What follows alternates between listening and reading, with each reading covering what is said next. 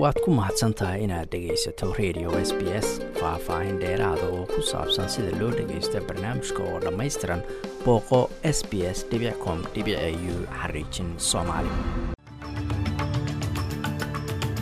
galab wanaagsan dhammaantiinba meel kastoo aad naga dhegaysanaysaan waa isniin. Bisha luuliyana ay tahay toban sannadka labada kun iyo labaatan iyo saddexda. Magacayguna waa xasan jaamac wararka caawana waxaa ka mid a scott morrison oo loogu baaqay inuu iscasilo iyadoo weli ay socdaan cawaaqibkii ka dhashay warbixintii guddiga qaran ee loo saaray daymihii loo bixiyey robodet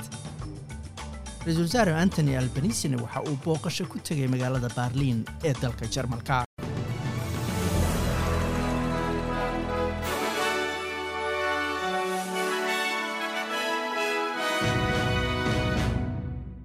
Ra'iisul wasaare antony albanisi ayaa ka degay magaalada baarliin ee dalka jarmalka halkaas oo uu ka sheegay in hal bilyan oo dollar oo heshiis difaaca ay australia la gashay dalka jarmalka.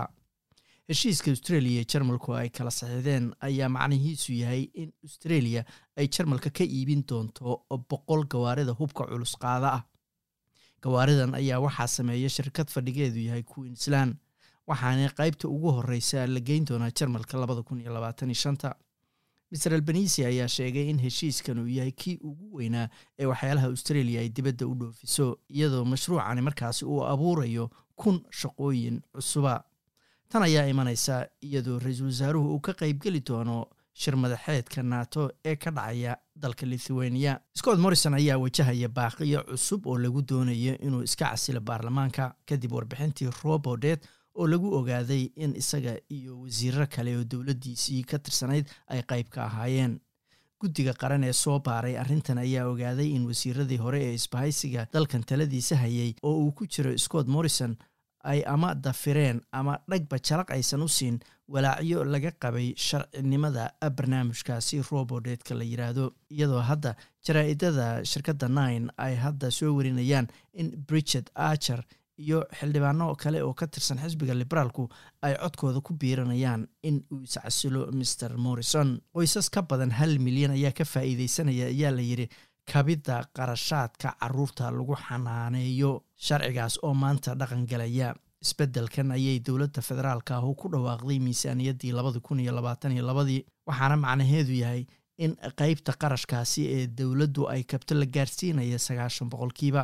taasoo macnaheedu yahay waalidiintu waxay baxsanayaan oo keliya toban boqolkiiba inta ka harsan tan ayaana saameynaysa ayaa la yidhi qoysaska uu soo galo dakhli ka yar siddeetan kun oo dollar sanadkiiba. Madaxweynaha maraykanka joe biden ayaa ka degay dalka u k ka hor shirmadaxeedka xulufada nato ee bishan labayo tobankeeda ka dhacaya dalka lithuania. Wadahadalada shirmadaxeedkan soo socda ayaa la filayaa in inta badan diiradda lagu saaro dagaalka ukraine iyo sida xulufadani ay taageero iyo garab istaag ugu muujin lahayd dalkan duulaanka uu ruushku ku soo qaaday. Madaxweyne biden ayaa kula kulmaya ra'iisul wasaaraha indiya rishi sunak ten downing street maanta oo isniina diyaaradaha aan duuliyaha lahayn ee maraykanka ayaa weerar ku dilay baa layidhi hogaamiyaha kooxda i s ee dalka suuriya. Wasaaradda gaashaandhigga maraykanka ayaa sheegatay mas'uuliyadda droonka nooca loo yaqaano m q nine riber in lagu garaacay laguna dilay ninkan oo magaciisa la dhihi jiray osama al muhaajir sarkaal u hadlay maraykanka ayaa sheegay in hogaamiyahani uu mooto ku watay gobolka alepo markii weerarkan uu dhacayay.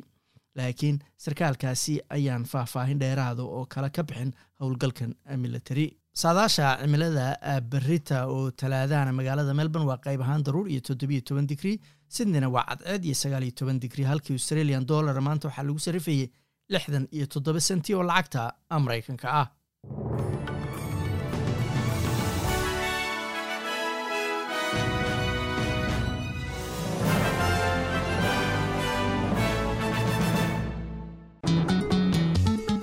waad ku mahadsantahay inaad dhegaysato raadiyaha s b s. Toos u dhegaysa barnaamijka habeenada arbacada iyo jimcada tobanka fiidnimo.